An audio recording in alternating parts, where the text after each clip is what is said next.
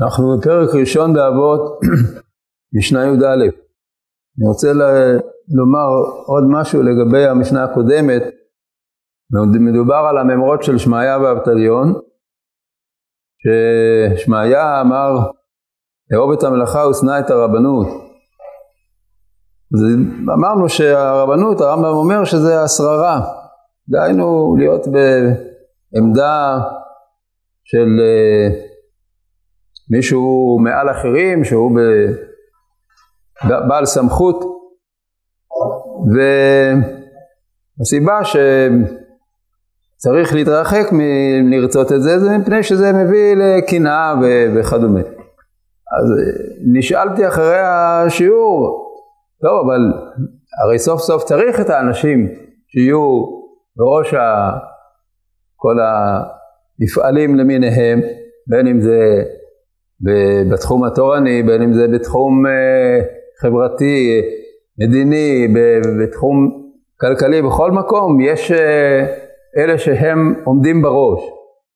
אז אם תמיד אה, יברחו מהתפקידים האלה, אז מי יעשה אותם? הרי סך הכל אנחנו לא אומרים שהשררה בכל מקרה היא דבר גרוע, השררה כשלעצמה היא הכרחית בכל מיני מפעלים, גם ב, ב, בכל תחומי החיים צריך תמיד מישהו שעומד אה, בתפקידו מעל אחרים ונותן את ההוראות ומנהל את העניינים, אז לא צריך שררות בכלל.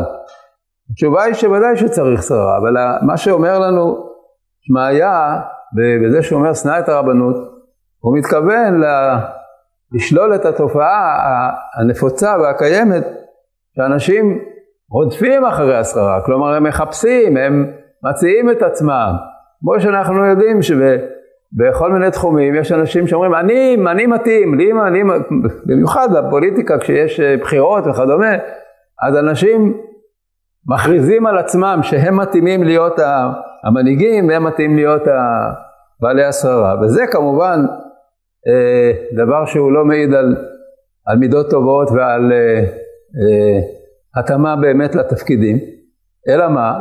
כאשר צריך מישהו שהוא יהיה בראש, אז שאחרים יציעו אותו, שאחרים יגידו פלוני הוא מתאים, הוא ראוי שיהיה בראש. וזה באמת אה, מופיע בכמה, בכמה מקורות, יש אה, של בן עזאי במסכת אה, יומא, בשמך יקראוך ובמקומך ישימוך, כלומר אתה אל תהיה זה שדוחף את עצמו, שחושב שהוא צריך להיות בראש. אם אתה תדחוף את עצמך, אז אחרים יקנאו בך ויגידו למה הוא, אה, כן, אה, מעשה קורח וכולי, אבל כאשר מישהו ראוי לדבר, אז יהיו כבר אנשים באותו תחום שבו מדובר, שיגידו פלוני מתאים, הוא צריך להיות, והם ימנו אותו. כך צריך להיות, שאדם לא ידחוף את עצמו, אלא שאותו חוג של אנשים שצריך שמישהו ימונה מהם, הוא, שהם ימליצו, הנה פלוני הוא המתאים. כך צריך להיות, וזה מה ששמעיה התכוון, הוא לא התכוון לזה שאין צורך בבעלי תפקידים הם בעלי שררה. ודאי שבכל מקום, אגב גם בנושא של דיינים, אז uh, הגמרא אומרת שהבית דין הגדול היה ממנה uh, דיינים בערים איך הוא היה ממנה? לא שמישהו היה אומר, אני רוצה להיות דיין, אני, אני מתאים להיות דיין, אלא היו שולחים מבית דין הגדול אל, אל העיר, ושואלים ובודקים, מחפשים, מי נחשב פה למישהו שהוא ראוי. ככה היו מוצאים את האדם שהוא יהיה הדיין. כלומר זאת אה, בעצם, זאת הכוונה של לשנוא את הרבנות, ולא, אין הכוונה ל... שאין צורך ברבנות. אבטליון אומר, חכמים, היזהרו בדבריכם, שמא תחובו חובת גלות, ותגלו למקום מים הרעים, וישתו התלמידים הבאים אחריכם וימותו, ונמצא שם שמיים מתחלל.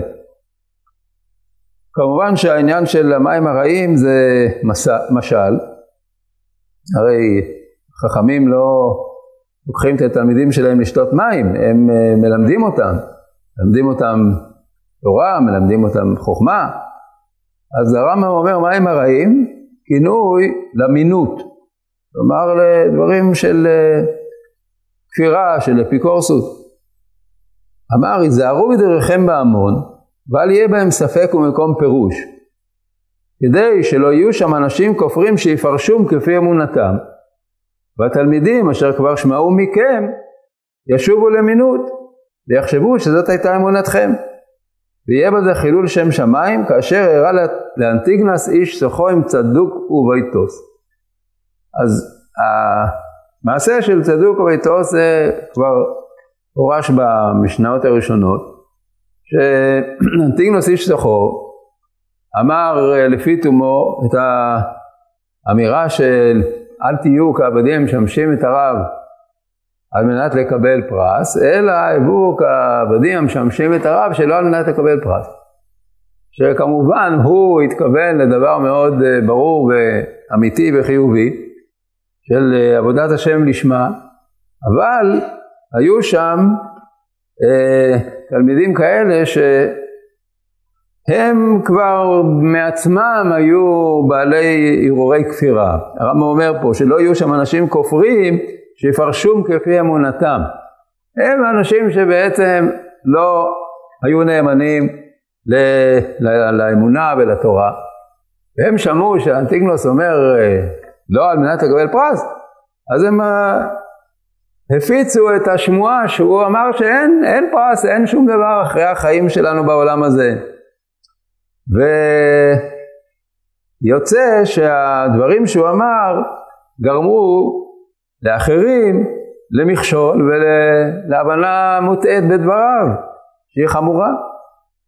הדוגמה של אנטיגנס והמינות, היא כמובן הדוגמה הכי, הכי קיצונית, שרב אומר דברים שאפשר ללמוד מהם דברי מינות.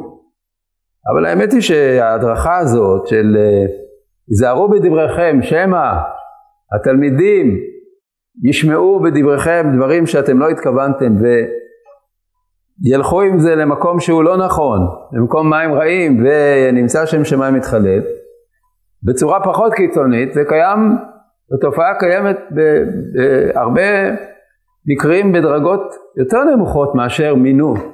דהיינו שתלמיד חכם אומר איזה רעיון, איזה, איזו הדרכה,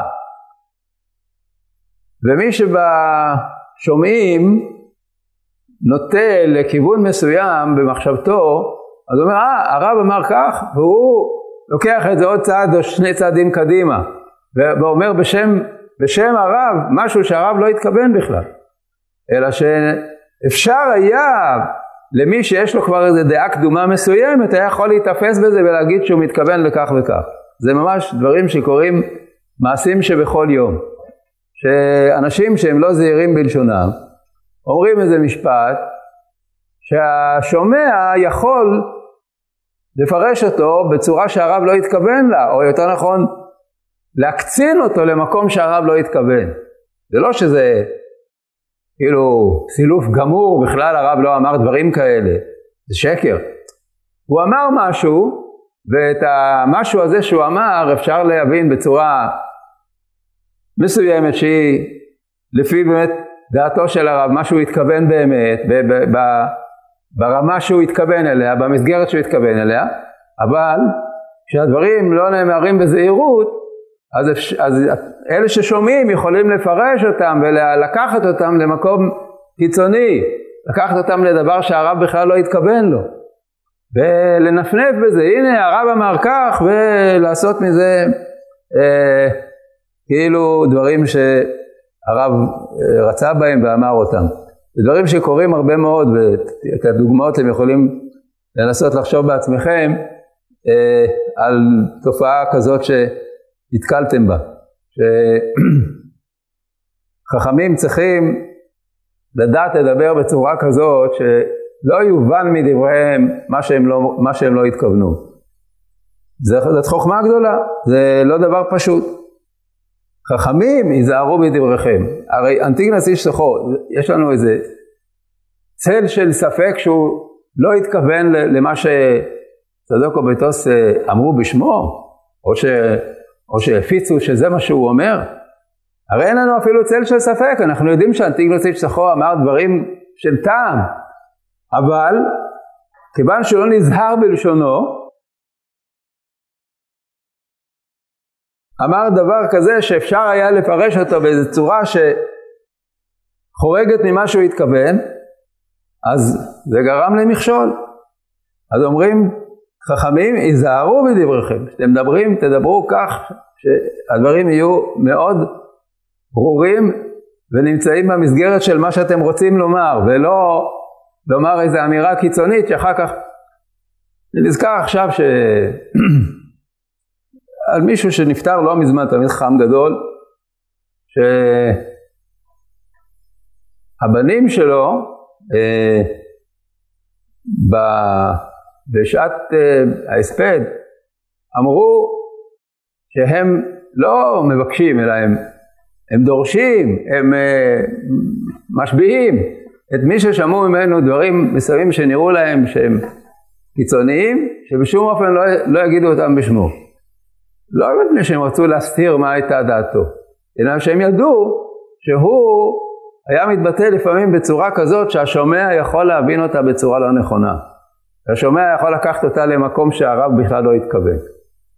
הייתה לו צורת התבטאות מסוימת, קצת, קצת אה, חריפה, קצת אה, לפעמים קיצונית, אבל אי אפשר לקחת את זה ולעשות מזה כאילו, אה, זאת, זאת הדרכתו, זה מה שהוא חשב.